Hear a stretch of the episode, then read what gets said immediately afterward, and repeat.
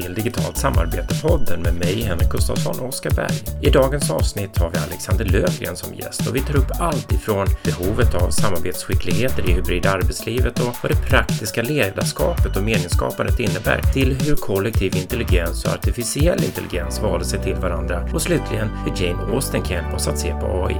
Återigen, varmt välkommen!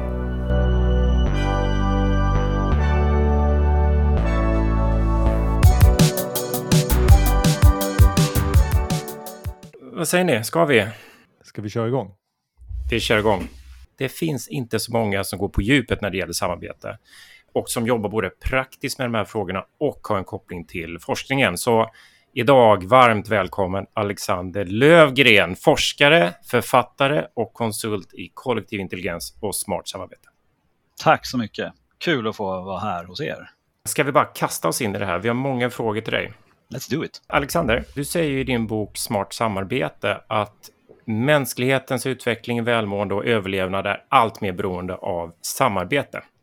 Men vill du berätta hur det kom sig att du kom in på det här med just samarbete? Det har väl hängt med under väldigt lång tid. Starten är ju det jag höll på med på, på KTH då. Jag eh, en gång i tiden var doktorand där och forskade i eh, på den tiden var det meningsskapande i organisationer och framförallt när man ska genomföra komplexa och svåra projekt och teknikimplementationer och sådär så är det så mycket som, som absolut strukturellt behöver hanteras men det är så mycket också det här i hur för vi dialogen om de här extremt svåra ämnena och vad är det vi ska uppnå och hur kommer vi till vår rätt och vad är det vi egentligen ska, ska landa i här så resultatmässigt. Och de typerna av liksom meningsskapande dialoger har jag djupdykt i eh, och det skrev jag sedan en avhandling om då. Och sen så på det temat har jag jobbat och eh, både i linjeroller och som konsult och jag har insett det mer, mer och mer att paketeringen av det hela är just det här, men vad, vad, är ett smart samarbete? Hur får vi det att funka? Och så har jag dragit massa lärdomar och insikter längs med, längs med vägen. Hur eh, upplever du responsen på din nya bok? Är vi redo att ta oss an det här med samarbete på ett annat sätt än tidigare? Jo, men jag tror det. För jag tror att eh, lite grann så har vi dragit i samma spakar under för lång tid. Det är alltid strukturspaken och nya processer och policyer och allt sånt. Eller så är det eh, går vi liksom ner i en beteendelåda som är väldigt bra men som är isolerad. Så Och jag tror att vad min bok försöker koppla ihop det är just hur ska vi få det här med det strukturella och det beteendemässiga att hänga ihop. Och, ja, eller struktur och kultur eller vad man nu kallar det för. Och jag tror att det är ju kanske då ännu mer fokus på så här, men vilka arenor för samarbete skapar vi här och vad är det vi vill uppnå på de här arenorna och hur kopplar vi ihop dem? Så att jag tror att alltså genomslaget för boken har varit större än, vad jag kunde förvänta mig och jag tror att det beror på att jag kanske lite grann drar i några andra spakar och visar att så här, så här kan man göra också. Och det blir som ett, kanske lite grann ett nytt sätt att se på det och ge lite nya tankar och idéer om hur man kan komma ur de här låsningarna som det oftast är i organisationer kring just samarbete. Vi har ju varit involverade på olika sätt eh, alla, alla tre i det här med hybridarbetes, eh, liksom omställningen och konflikten eller diskussion, debatten eh, kring det. Och du fångar det här väldigt bra. Du, du skrev en eh, debattartikel i Dagens Industri för ett tag sedan och då lyfter du fram det här med att förlegade verksamhetsformer är det som blir ett hinder för det här nya arbetslivet, det hybrida arbetslivet, eller vad vi ska kalla det. Och jag tänkte bara läsa upp en passage ur den här artikeln. Att, eh, citat, många organisationer fokuserar för mycket på struktur och kontroll istället för att omfamna en mer flexibel och anpassningsbar arbetskultur. Det behövs en ny träningsagenda för framtidens arbetsliv som inkluderar organiserande, medledarskap och samarbete. Slutcitat. Det, det, här går ju jag igång på det här med liksom, eh, det här strukturkontroll och liksom, eh, flexibilitet och anpassningar. Och vilka verksamhetsformer tänker du mer specifikt på eh, när du pratar om det här med att verksamhetsformerna utgör ett hinder för hybrida arbetslivet? Ja, det som ingången i just i den debattartikeln och kanske mycket av det jag jobbat med genom alla år är ju att vi tar liksom det som vi har byggt upp strukturellt, det tar vi för givet som någon form av facit. Så här, så här, har vi, så här är organisationsstrukturen och det här är processerna vi, vi ska följa och det här är systemen vi använder och så. Kopplar vi bort våra, våra hjärnor kring hur vi använder oss av det här på ett eh, smart sätt. Det blir onödigt korkat. Jag menar på att här, det här är ju fantastiska tillgångar, men de är ju inte huggna i sten, utan det är ju sen hur vi är kreativa kring de här kontrollramarna. Jag menar på att, att kontrollen eh, behövs absolut, men om det bara är kontroll, då finns det ingenting kvar, utan det är just att hitta den här ändamålsenliga balansen mellan kontroll och kreativitet då behöver vi ha mycket mer fokus på den här frågan som är ungefär hur använder vi oss smartare av det vi redan har? Och det är ju både oss själva som eh, individer och människor men också alla dessa fantastiska strukturella och eh, teknologiska tillgångar vi har.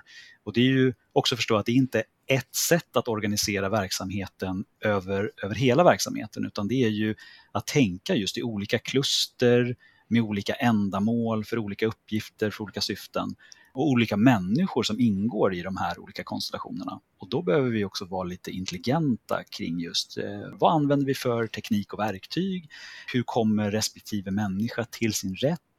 Hur är samarbetsformerna för just det här projektet eller det här initiativet? Mm. Och så vidare. Det är ju faktiskt bara att, att det är ju hur vi använder oss av det vi har mycket smartare tänker på det här med tillgångar och eh, ett aktuell artikel som eh, swishade förbi mig nu på morgonen eh, via LinkedIn. Det var en artikel i tidningen Kollega och rubriken lyder Kontrollerande chefer bromsar framgång.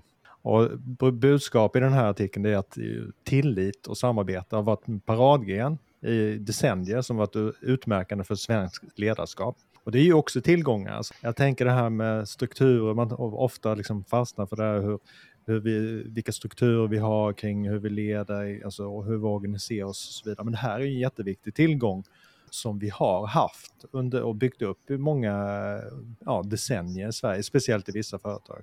Och de, den som säger det här det är ju Louise Bringselius som är docent i företagsekonomi och som har varit gäst i tidigare poddavsnitt här. Då.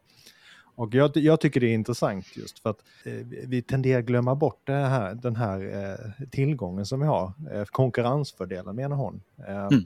Och hon lyfter fram Ikea och Volvo som exempel. Då. På något sätt då, vi, vi ska gå tillbaka till den här hybridarbetet, den här konflikten eh, och det som nu utspelar sig med ja, återgång till kontoren. Det, det, det visar verkligen, tycker jag, hur den här anglosaxiska ledarstilen som Louise menar har liksom gjort sitt träde på i vårt svenska arbetsliv, hur, den, hur synlig den är. Och mm. hur den just bristen på tillit synliggörs av det här ja, hybridarbetet. Hur tänker du kring det? Jo, men jag, jag håller verkligen med. Och det har, dels har det smugit sig på under, under liksom lång tid så där, och vi har inte märkt av den här förskjutningen mot det här mer anglosaxiska och det håller jag verkligen med om. Och det är ju både i offentlig och privat sektor där det ska mm. mätas och följas upp och kontrolleras mycket, mycket, mycket mer. Man, man gömmer sig bakom det här, vi ska vara mer datadrivna. Det är ju också lite grann så här, ja fast datadrivet innebär ju inte att det ska bli liksom en kontrollorganisation av liksom allting. Men sen tror jag också att det som hände under, under pandemin skakade om eh, många organisationer så pass mycket mm. att många ledare och chefer tappade fotfästet och kände så här, ja, jag kan inte greppa det här längre, jag har inte koll på mina medarbetare. Snuttefilten blev att dra i den här kontrollspaken ja. och eh, hänge sig åt fullt ut det här mera anglosaxiska managementperspektivet på vad ledarskap är. Sen tycker jag det finns ett, en, en, annan, en annan aspekt på det här och det är ju att om man, om man tar samarbete som liksom fenomen så är ju absolut så har ju ledare och chefer en jätteviktig roll i att möjliggöra samarbete, skapa arenorna, eh, se till att vi har rätt ändamålsenliga verktyg och rätt kultur och så. Men sen kan inte chefer och ledare ta ansvar fullt ut för vad samarbetet är. För det är ju, mm. där behöver ju medarbetarna kliva in och också liksom, både berätta om det här vill jag och det här behöver jag och så här tror jag är liksom rätt sätt för oss att jobba och så. Så att vi alla som är en del av en organisation behöver bidra i det. Och då blir det också klurigt om ledarskapet är för toppstyrt och för, eh, ska man säga, auktoritärt. För då vågar inte alla kliva fram heller och berätta sina bästa idéer om hur vi löser saker och ting och hur vi ska få mm. helheten och samarbetet att funka. Så att det är synd. Det blir en, nästan som en tystnadskultur och, och man försöker mest bara följa direktiven. Vi pratade i förra avsnittet om svårigheten att hitta någon i en organisation som faktiskt har ansvar för att driva och utveckla frågor som rör samarbete på ett eh, mer systematiskt sätt. Det finns ingen Taylor eller Henry Ford för samarbete eller kunskapsarbete, utan det är något som förväntas hända eller bara funka av sig själv. Och man har varit väldigt mycket, som vi var inne på, haft väldigt mycket fokus på Eh, formella strukturer, men allt annat har liksom lämnats lite därhän, någon slags eh, brist på ledarskap. Det är ett annat perspektiv i det här. Är det något du känner igen också, Alexander? Och ser du att det också påverkar hur vi kanske famlar lite inför det här nya hybridarbetet? Ja, men verkligen. Och jag tror där att om inte ledarskapet i en organisation känner att de har tillräckligt fokus på den här frågan, då måste man ju återigen då skapa olika arenor där man bjuder in och pratar om de här sakerna så att det kan bli ett samskapande. För att jag tror att det viktiga är att det får inte landa i att ingen har liksom ansvar för det, ingen driver frågorna. Och det kan vara svårt för, för chefer och ledare att liksom ta det ansvaret eh, operativt. Men jag tror att det man ändå kan göra för att också skapa en bättre plattform för sig själv som ledare, det är att säga så här, det här är viktigt, det här behöver vi tillsammans ta ansvar för och jag möjliggör att vi regelbundet tar oss tid och pratar om vilka mötesformer ska vi ha och eh, hur jobbar vi tillsammans när vi inte är på kontoret och att vi liksom har olika lägen för samarbete. Hybridvarianten, alla på plats eller alla på distans. Eller, eh, jag tror att det både är liksom en, de just de strukturella förutsättningarna för det i form av verktyg och så, men sen också sådana saker som så här, de, de gemensamma spelreglerna och de gemensamma samarbetsvanorna som vi tycker är bra för oss och som gör att vi faktiskt kommer att lyckas som verksamhet. Och sen så hjälpa varandra att träna oss i i de här sakerna. Och det är ju bara vi själva som, som kan ta ansvar för det och då är det chefens ansvar att skapa just de här träningsarenorna där vi både formulerar oss och tränar oss. Mm. Min upplevelse eller erfarenhet är att det här med ledarskap är nästan kidnappat av hierarkin. Eh, alltså att man nästan sätter lika med tecken mellan att vara chef och ledare eller ledarskap då och det blir problematiskt och därför gillar jag det här med att eh, du ser ett behov av att det ska bli mer praktiska kring eh, hur vi utövar samarbete och ledarskap och, och det här att vi inte, att det blir väldigt, till det här då, pampigt och, och abstrakt när vi pratar, alltså ledarskapet. Mm. Eh, istället för då att, att, vi borde prata om hur vi leder. Och pratar man om hur vi leder, då blir det ju uppenbart att det inte det ledarskap, det utövas inte bara av de som sitter med så här formellt med roller som chefer, utan då pågår det hela tiden och vi alla leder på olika sätt när vi samarbetar med varandra. Det faktiska ledarskapet idag, om man säger så, det utförs ju i sam de här samarbetsarenorna som du, du pratar om, att då blir chefens roll mer att bli den här trädgårdsmästaren eller se till att förutsättningarna finns. Men ledandet, det sker där ute i allt mm. högre grad och växlar och det är, allt svårare att sätta etiketten på någon som ledare. Utan därför uppskattar jag det här verkligen, det här hur vi leder, att vi pratar mer om det. Ja.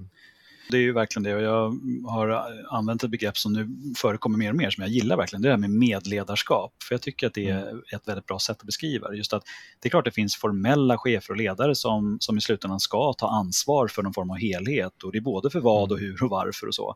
Men det är också ganska så orimligt att enskilda individer ska kunna dra hela lasset. Det är ju, det är ju att suboptimera, liksom, återigen, tillgångarna mm. som finns i organisationen. Och är man då både smart som ledare och, man är, och dessutom vill ha ett meningsfullt och kul arbetsliv som, som medarbetare, då är det bra att kliva in och medverka till de bästa idéerna och hur vi samarbetar smart och vad det nu är. Så att man får den här kopplingen mellan både det gemensamma ägarskapet som är liksom det här ska vi uppnå tillsammans och sen det individuella ansvaret som är absolut, vi har ansvar i form av ledarna och cheferna som har ett viktigt eh, ansvar att ta ansvar för hel, helheten och så. Men sen har vi ju våra individuella roller som specialister och generalister och alla möjliga roller vi har. Och så. Vi pratar om, eller använder begreppet samledarskap i vår bok, vilket jag tycker ligger väldigt nära det som du pratar om här, Alexander. Det kanske man har upplevt i praktiken om man kör ett projekt med eh, olika specialister i. Jag kan ta exemplet om man kör tal utveckling. Då kanske är någon som driver mer affärsmässiga frågor, någon är mer av en designer, någon är mer av en arkitekt, någon är utvecklare, testar och så vidare. Och alla de här behöver ju kliva fram och ta ledning i olika delar av det här projektet för att det ska bli bra man kan inte vänta passivt på att en projektledare ska få ihop det här och, och styra alla, utan det, det, kräver ju, om det ska bli ett bra resultat och ett bra samarbete, att alla kan kliva fram och bidra eh, med det de är bäst på. Exakt. Och jag tror ju där också att det är därför som jag också slår vakt väldigt mycket om den, den forskning som jag kommer från från början, det här med meningsskapande. Att jag tror vi behöver slå vakt mycket mer om det. För att vi som enskilda individer i våra respektive olika roller, vi har ju olika anledningar till varför vi jobbar på en viss typ av arbetsplats. Vi drivs av olika saker och motiveras av olika saker och så. Och det är ju det är meningsskapandet kring det som vi behöver prata mycket, mycket mer om. Det kan visa sig att har vi då en gemensam uppgift, så här, ja, vi ska lösa det här svåra projektet och det ska vi jobba med under ett års tid. Då kanske det är så att en av oss tycker så här, men jag gör det här projektet för det är, det är en karriärsbyggande för, för mitt CV. För en annan är så här, nej men jag tycker det här syftet är så otroligt viktigt och jag brinner verkligen för det här och jag är med i det här projektet på grund av eh, det. En tredje person är så här, ja, jag tycker det är kul att programmera och gå till jobbet och lösa mm. coola uppgifter. Liksom. Ja, det är därför jag är här. Och då är det så här, ja, vi drivs av olika saker, men det tjänar samma övergripande syfte. Och vi, det handlar ju om så här, vad är det yttre motivet för en uppgift eller projekt eller vad nu vi håller på med, som vi behöver samlas kring och låta det sen vara motivationsdrivande för oss som individer ur olika aspekter som sen tillsammans bygger att det är meningsfullt och meningsskapande att vi vill samarbeta. Och det där, det där pratar vi alldeles för lite om märker jag.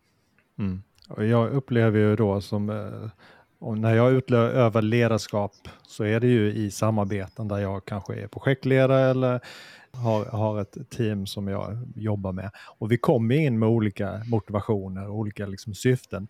Men det viktigaste man gör där är ju liksom att hitta det här, vad är det vi ska göra för någonting och varför ska vi göra det och liksom få alla att bli engagerade kring det. Så där hittar man ju det här, där gäller det att försöka hitta det här meningsfulla som vi samlas kring. Alltså, jag tänker, så där tror jag att det går, om man bara har ett uppdrag som känns meningsfullt, eh, eh liksom att sprida den och bygga den, eh, samlas kring det här. Det jag ser problematiskt, liksom med om man pratar ledarskap till större liksom, eh, perspektiv, eller vad ska man säga, i en organisation, det är att det är för lite eh, fokuserat på just det du säger, meningsbyggen. Mm. Alltså det är för mycket så här kontroll, man vet nästan inte varför man ska göra någonting eller eh, varför man ska samarbeta över olika funktioner och så vidare. Man är fokuserad på andra saker. Det är där, det är ett jättestort hålrum eller tomrum som man behöver fylla. Men istället går man på det här liksom, trygga kontrollen, det som, som känns som att man kan ta tag i. Men det riktigt stora behovet upplever jag, det är alla de här teamen som behöver förstå det de gör i en helhet och hur det liksom bidrar till någonting. Inte bara sitt, att man gör sitt projekt eller sitt samarbete utan hur det påverkar annat och vilken roll det spelar i helheten. Det tror jag också. Och jag tror där att vi är väldigt duktiga numera eftersom det är så fokus på output hela tiden. Och det är ju viktigt. Men det blir också att vi blir väldigt aktivitetsbaserade i allting vi gör. Vi går väldigt fort fram till så här, okej, okay, vad är backloggen? Vad är aktiviteterna vi ska göra? Men inte lika ofta så här, okej, okay, och vi gör de här sakerna i syfte att uppnå vad då? Och att den kopplingen finns där hela tiden. Sen behöver man ju inte bara prata om det hela tiden, men att det är tillräckligt ofta man liksom förstår. Vi gör alla de här sakerna för att det handlar om att vi ska leverera den här fantastiska saken till den här kunden eller vi gör det här för att vi ska förbättra vår arbetsplats på det här sättet eller vad det nu kan vara. Och att bara den grejen gör ju att man, att man gör den här eh, kopplingen just mellan motivet och motivationen i steget mycket enklare och plötsligt så blir det bara i vardagen mycket mer meningsfullt än att det bara är vi exekverar en massa aktiviteter. Till exempel i det lilla på överdriven effektivitet. Det har blivit populärt att använda kanbantavlor för att synliggöra arbete och gå igenom och se att vi har progress hela tiden. Det finns ju jättemycket bra fördelar med det och man kan se vem, vem som behöver hjälp och, och så vidare. Men drar man det för långt så tar vi också bort det som du är inne på Alexander, den här vikten av att kunna ta pauser, att kunna reflektera och skapa utrymme för att faktiskt vara kreativ och tänka annorlunda och inte bara vara i den här fabriken och, och känna att man bara försöker jaga i kapp och få den här outputen hela tiden. Och jag tror att det finns en rädsla, tror jag, framförallt bland ledning och styrningsnivån. Så att om vi fokuserar för mycket bara på det här med varför, då, då, då tappar vi fart och det är bara onödigt, eh, liksom, onödiga samtal som liksom uppstår och så. Och jag tror att det är klart att det kan bli så, att man, liksom, man kan ju nästan bli existentiell om man håller på med varför hela tiden. Så. Men jag tror att ha kopplingen mellan vad, hur och varför och att det sker hela tiden. Det är ju det som gör att det blir verkligen prestation som ökar och vi mår bra för vi känner mening och att det här hänger faktiskt ihop. Så att jag tror liksom ivern kring att fokusera på, på output och aktiviteter bara gör att man faktiskt sen suboptimerar för sig för man får inte ut den effekt som man, som man hoppas på för man glömmer ett perspektiv som gör att vi får det här drivet och yes, nu kör vi. Och där tror jag också att genom att samla sig då och då och reflektera och, och fundera, vad har vi gjort bra, vad har vi gjort mindre bra och vad kan vi förbättra framåt och sådär. Det ger ju också energi kring att vi riktar eh, vår energi rätt. Och plötsligt sen när vi sätter oss ner och gör saker, då blir ju det fruktansvärt mycket mer produktivt och effektivt vilket gör att vi får ut mer effekt och mer output. Så det, det, är det här som att vi, det här tror jag kommer bli en jätteviktig ledarskapsfråga, särskilt som vi nu är mycket mera eh, som globalt uppkopplade och lokalt utspridda och hela det mm. hybrida samhället som, som vi faktiskt lever i. Då måste vi ju på riktigt fokusera mycket mer på de här frågorna för det är så komplext det, det vi håller på med. Och dessutom är våra uppgifter så komplexa att vi inte klarar av det bara inom den egna organisationen att hantera utan vi är beroende av en massa samarbetspartners. Och plötsligt så måste vi ju verkligen samla oss kring, kring syfte och riktning och mål och sånt. Mm. Ett annat perspektiv på det här är att ett team eller grupp inte presterar. Alltså nu pratar vi om när det är superprestation eller lite missriktad prestation. Men jag ska ta upp det i vår bok och du pratar om det Alexander i din bok att för många grupper eller team så kommer man inte upp i någon produktiv nivå överhuvudtaget. För att man klassiskt då har lämnats lite till sig själva att försöka hitta sätt att, att samarbeta med varandra. Man har inte verktygen, man har inte arbetssätten och det här syftet kanske inte finns heller. Så att det blir ett, ett samarbete som präglas väldigt mycket då av Eh, konflikter och ineffektivitet. Och du nämner begrepp som pseudoteam och, och behovet av att agera intelligentare vid varje samarbetstillfälle. Kan du utveckla det? Ja, men jag tror just att allting går så fort och det förändras så snabbt, det vi håller på med och sammanlänkade uppkopplade samhället som, som vi som är i, så upplever jag mer och mer att det är svårt att jobba med exempelvis klassisk teamutveckling inom verksamheter för att hela tiden ändras uppgifterna och nya personer kommer och går och ska man då jobba med klassisk teamutveckling, då får man börja om hela tiden. Och då blir det verkligen fokus på fel saker. För att då, är, om vi ska börja om hela tiden, då, då kommer vi aldrig upp i någon form av dräglig nivå för att kunna prestera tillsammans. Eh, blir det ju eh, mycket mer som snabbfotade samarbetsvanor och, sätt att eh, sätta in olika personer och olika konstellationer i rätt sammanhang och, förstå beroendena emellan och vad det som krävs av oss och så vidare. Och eh, då är det mer ett, liksom ett enklare sätt att jobba med team och eh, föränderliga konstellationer. Då är det snarare fokus på just de som jag skriver om i eh, boken och samarbetstillfällena. Hur jobbar vi mer med dem? och förstå mer. Vad är det här för olika samarbetstillfällen vi är i? Är det en, är det en avstämning? Är det ett projektmöte? Är det en eh, workshop? Vad är det något? Och vad är det som är ändamålsenligt för de här olika tillfällena där faktiskt olika personer kommer att medverka? Och där är både fokus på kanske syftet som vi ska uppnå, men sen också sådär, vad är grundläggande sätt att planera och genomföra de här olika typerna av tillfällena som gör att det över tid blir då personer som svetsar ihop sig mer kring ett gemensamt syfte och över tid också kan prestera och leverera det som förväntas av oss. Det här är lite grann som att många samarbetande är ju att de lär sig köra bil och lär sig teorin och lär sig navigera på mm. alla, samtidigt. Det är mycket enklare om man redan har körkort och liksom kan hantera bilen och eh, kan tolka vägskyltarna och så kan man fokusera på destinationen. Lite grann så tänkte vi kring det här med samarbetstriangeln som vi utvecklade för att förklara de, de tre hörnstenar vi ser. Vi har redan berört det här med syfte. Har man syfte, då behöver man inte liksom grubbla över det. Man vet varför man ska jobba tillsammans och varför man samlats. Och har man gemensamma arbetssätt i någon nivå så behöver man ju inte heller liksom stöta blöta nöta det utan då är liksom, har man någonting att börja med. Man har inte Mm. blankt papper. Och sen då relationer, det är kanske det som kan vara svårast att ha med sig in för att man eh, kommer från olika håll. Där, även där finns det möjligheter att möjliggöra för medarbetare att bygga relationer på arbetstid på ett sätt som kanske inte är möjligt utan digitala verktyg. Att man kan, alla kan inte springa i korridoren eller re, åka på resor eller mässor eller vad nu,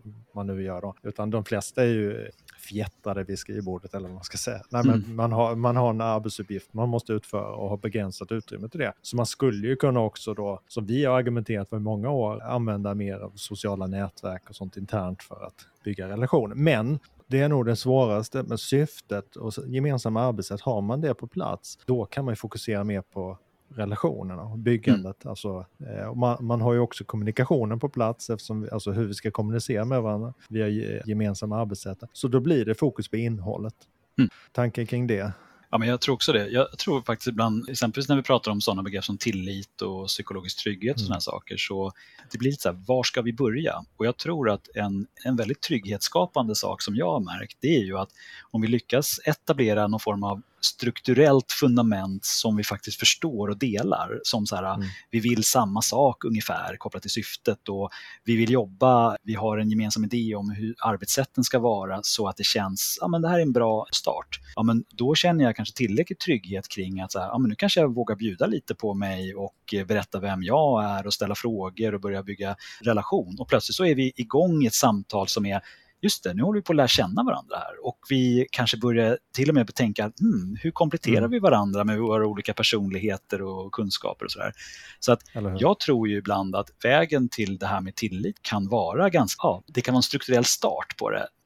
Vi hade uppe i eh, tidigare poddavsnitt ett av de här framgångsrika, helt distribuerade bolagen som inte har några kontor. De jobbar med kulturfrågor.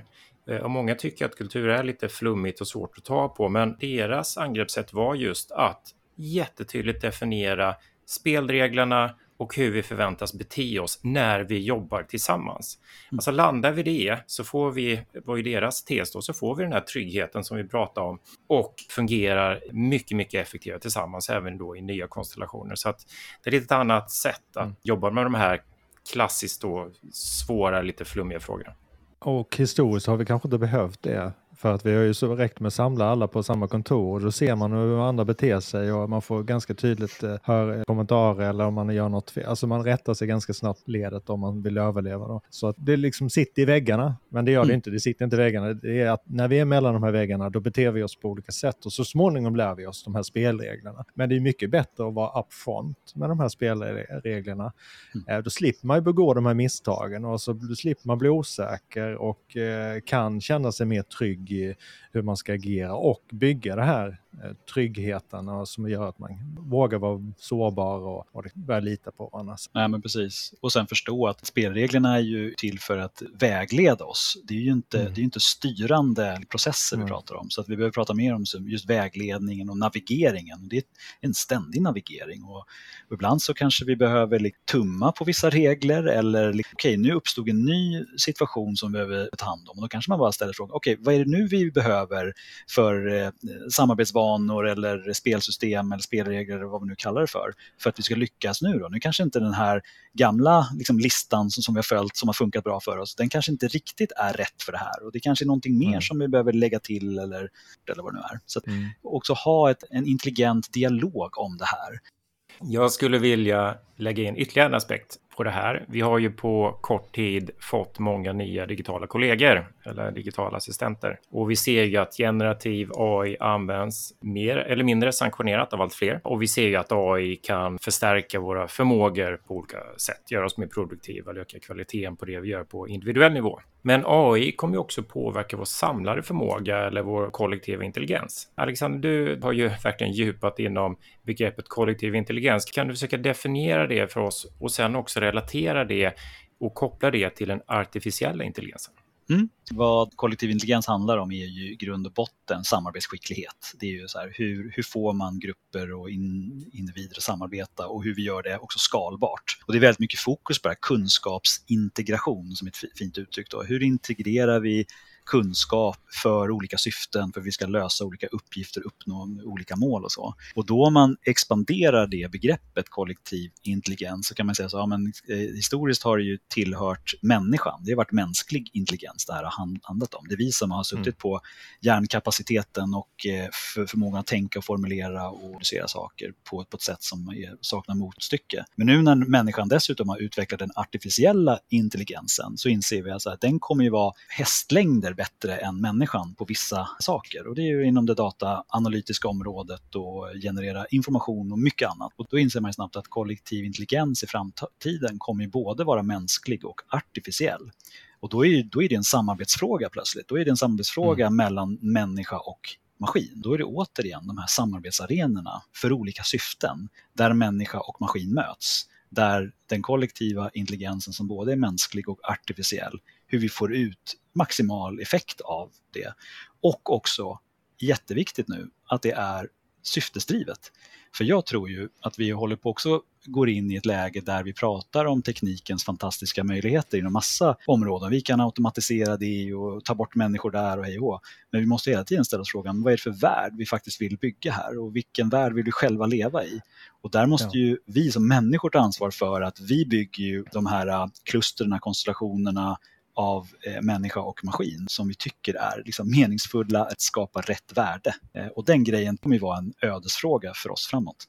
Vi, vi kan ju bli teknikfokuserade och liksom använda för tekniken för teknikens skull, men någonstans så vill vi liksom ha värde. De flesta av oss kanske inte vill mötas av en AI när, när vi pratar om känslor och så vidare. Så då vill vi ha det mänskliga mötet. Då har vi istället en AI som assisterar. Jag är ganska säker på att vi kommer hitta de här, se det här, det var det verkligen till för någon mening och när det är liksom meningsfullt med den liksom mänskliga interaktionen. Och jag tror också att det blir så här, eh, vi till en början just ser det här uppenbara, automatisera och så här, ta bort, effektivisera och så vidare. Ska man ta det här på rätt sätt så är det egentligen att utgå från oss och se vad är det AI kan hjälpa oss och vad kan förstärka vår intelligens? Vad är det, hur kan det göra oss lättare, hjälpa oss att bygga relationer? Det har vi redan idag. Hur kan det vara lättare att dela vår kunskap med varandra? Så det är där den stora utväxlingen kommer.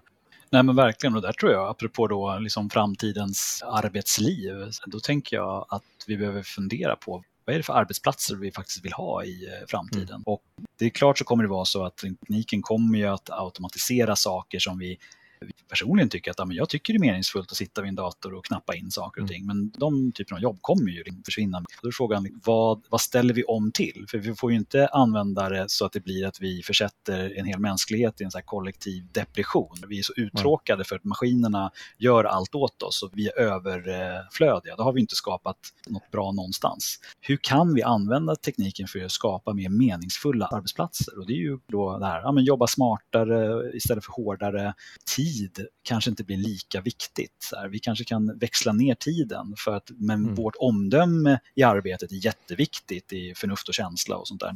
Men, men det kanske inte är lika mycket fokus på att du ska jobba åtta timmar per dag. Utan det är, det är en annan typ av ansvarstagande som vi människor behöver. Och så. Sen finns det andra uppgifter som kommer uppstå där människan är absolut bäst lämpad. Vi har en växande åldrande befolkning inom, som vi behöver ta hand om i vård och omsorg och sådana saker. Där tror jag människor kommer behövas mycket, mycket mer. Och hur gör vi den omställningen? Alexander, jag gillar att du använder begreppet förnuft och känsla för hur vi, vi, människor behöver förhålla oss till den AI som kommer nu. Men är det, är det för mycket stolthet och fördom i hur vi ser på, på möjligheterna? jag tycker om att använda så lite larviga uttryck ibland. Men det är väl också så här för att det kokar ner till vad handlar det om egentligen. Och jag tror att, jag tror så här, apropå stolthet och fördom, så är det så här under väldigt lång tid i vårt informationssamhälle så har vi stått, satt ganska stor ära vid att vara en förlängning av eh, datorn. Det är någonting fint, sitta med en dator och knappra och Excel-ark och vad det nu är för någonting programmera också. Och det är ju otroligt värdeskapande saker. Men nu när vi ser liksom att det kommer AI kunna ta över mer och mer, då tror jag att det blir lite så här stolthet och fördom och liksom, ska det verkligen vara så här? Ska de verkligen ta över de, de här sakerna och så? Och det kommer vi behöva omvärdera vad det är men mänsklig intelligens är absolut bäst på. Och ska man koka ner det till något enkelt så blir det väl förnuft och känsla eller omdöme eller vad vi nu ska kalla det för. Vi har berört jättemånga saker här nu som lågt under det här samtalet, men vi behöver börja runda av lite och jag funderar på, har du några konkreta tips apropå det här med minnesregler och som en individ eller ett team kan ta med sig och ha i bakhuvudet när ett nytt samarbete ska starta eller, eller under ett samarbete? Ja, men jag är ju som en papegoja tjatar jag om de här fyra F.